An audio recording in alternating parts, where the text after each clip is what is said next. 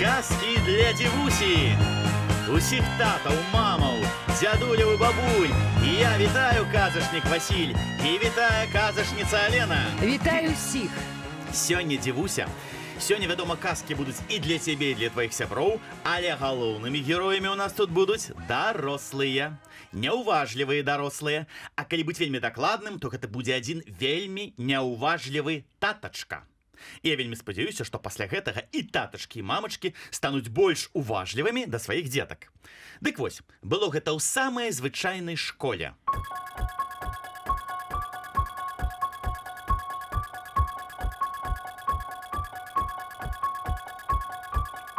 І аднойчы у гэтую самую звычайную школу прыйшла першакласніца веранічка і плача так, што не расказаць. Ціха, што такое, чаго плачаш? спытаўся настаўнік Васіль. Ай, усё, не чапайце мяне. Разгаласілася веранічка. Настаўнік Васіль на хвіліну разгубіўся, бо ўслед за веранікай дружным хорам гатовы былі заплакаць іншыя першакласнікі. Дапамог яго лепшы сябар. Наручная лялька, парсючок Пятрусь. І правильно. Васілю нічога не гавары. Што гэта дарослыя цямяць. Сказаў парсючок Пятрусь. А я любому гору і бядзе дам рады. Мне можаш расказаць любыя свае таямніцы. Скрозь слёзы веранічка выціснула з сябе У мяне, у мяне. і зноў залілася слязьмі. У цябе слёзкі такія вялікія, вялікія. Прыгожыя, прыгожыя. А я ў іх бачу сябе лепей, чым люстэрку. О, не веду, што мне трэба пахудзець. Веранішка усміхнулася, пачухала Петруся за вушкам і сказала: У мяне татачка такі няўважлівы. Ён рэдка мяне адводзіць у школку.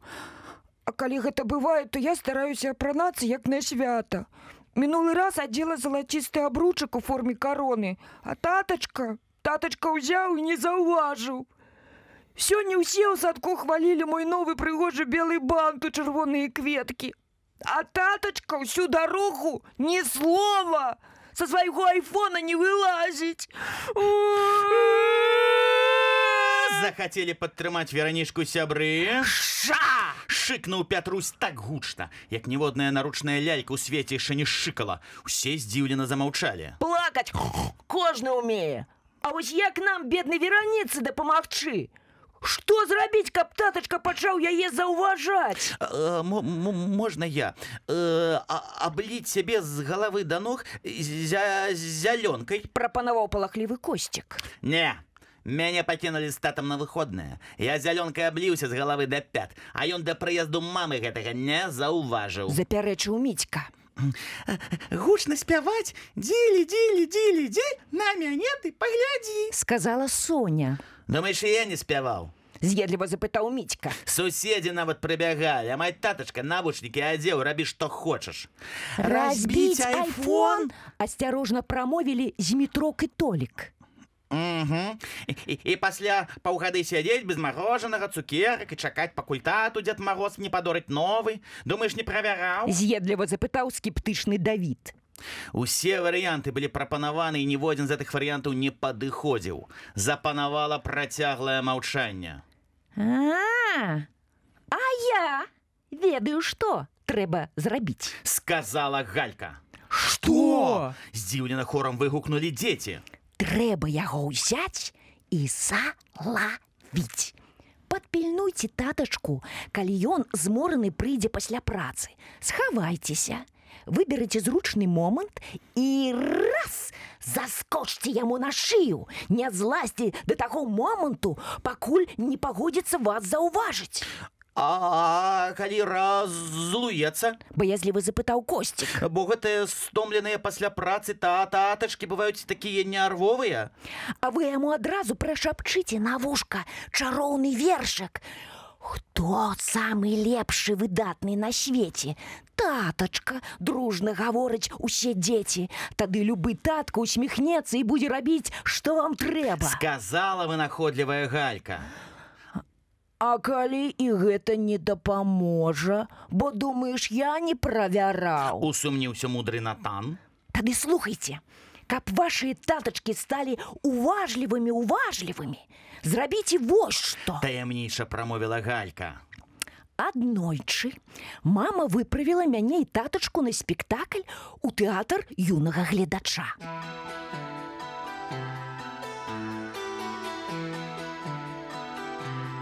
Татачка упіраўся бо не дагуляў нейкую там гульню на сваім айфоне але мама прыстрашыла што пакіне яго бессмачнага мяса па-французску дык вось гэта была казка пра злую чараўніцу якая хацела ўсіх дзяцей зрабіць кактусамі.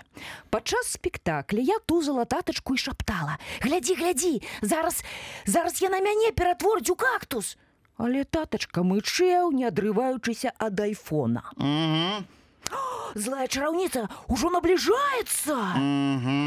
Яна ўжо ўзмахнула чароўнай палачкай. Ну, так, так, змахнула. Яна ўжо сказала чароўныя словы: Ай, бігудзя! Тады я ціхенька выйшла з глядзельнай залы. У фае на падваконні стаяў невялічкі вазон з кактусам. О, тое, што трэба.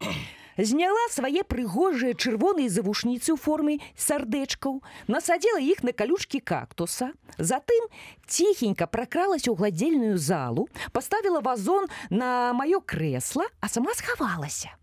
Скончыўся спектакль. Працягнуў татачка руку, Ай, что гэта? Что, кактус? крутануўся ў адзін бок, крутануўся ў другі. А мяне не бачыць, напалохаўся, замітусіўся, пачаў клікаць, крычаць. Прыходзіць адміністратар. Так, что такое? Чего шумим? Незадаволена запытаў адміністратар. Д- Дачки няма, ну вот весь час сидела тут и раптом замест моей Гали А тут падыходзіць хлопчык. Гэта яе злая чараўніца ў кактус ператварыла. Прамовіў хлопчык суседняга месца. Ой, не кажи абы што. Сказаў яму ягоны татачка, які таксама не спяшаўся выходзіць з глядзельнай залы, бо не дагуляў танчыкі. Я праўду кажу, гэта кактуса завушніцы, такія самыя як у той дзяўчынкі, праўду кажу, праўду кажу. Напалохаўся мой татачка. Да як же гэта так? Што ж гэта такое? Калі пасля дзіцячых спектакляў дзеці ў кактуса сапраўдныя ператвараюцца. Галя, гадзяшка, божа мой дачушка, ну што ж я дома скажу? Гэта ж не толькі мяса па-французску, я і кашы маннай пасля гэтага ад тваёй мамы не атрымаю. Што ж мне рабіць беднаму? Але няма чаго рабіць. Тэатр закрываецца, адміністратор татачку падганяе. На выхад, на выхад, бачыць, адшукалася дачка, не трэба было лямант падымаць. Вось пакет, пакладзіце, каб не пакалоцца аб вашу галю, бо дзеці апошнім часам вельмі калючыя бываюць.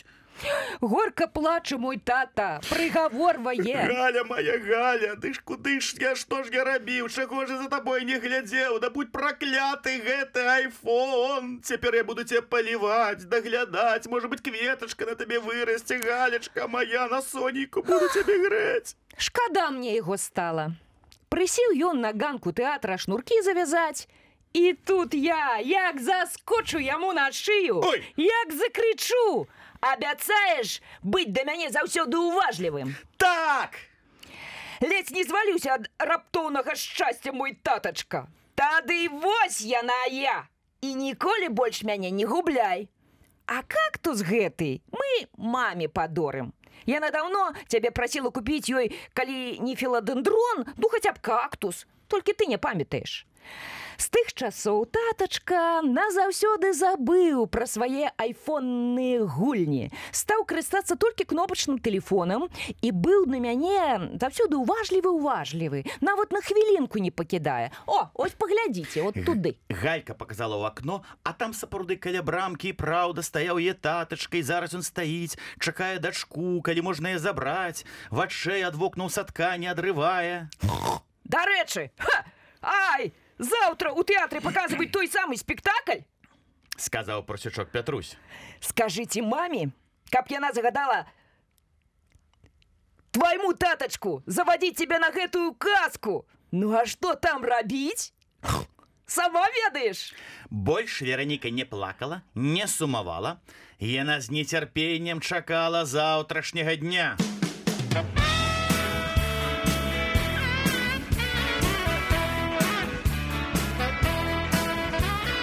Спадзяюся, табе дзівуся гэтая казка спадабаецца. А таксама спадабаецца і татам, і мамам, і дзядулем, і бабулям, усім тым дарослым, якія жыць не могуць вось без гэтага вось телефона.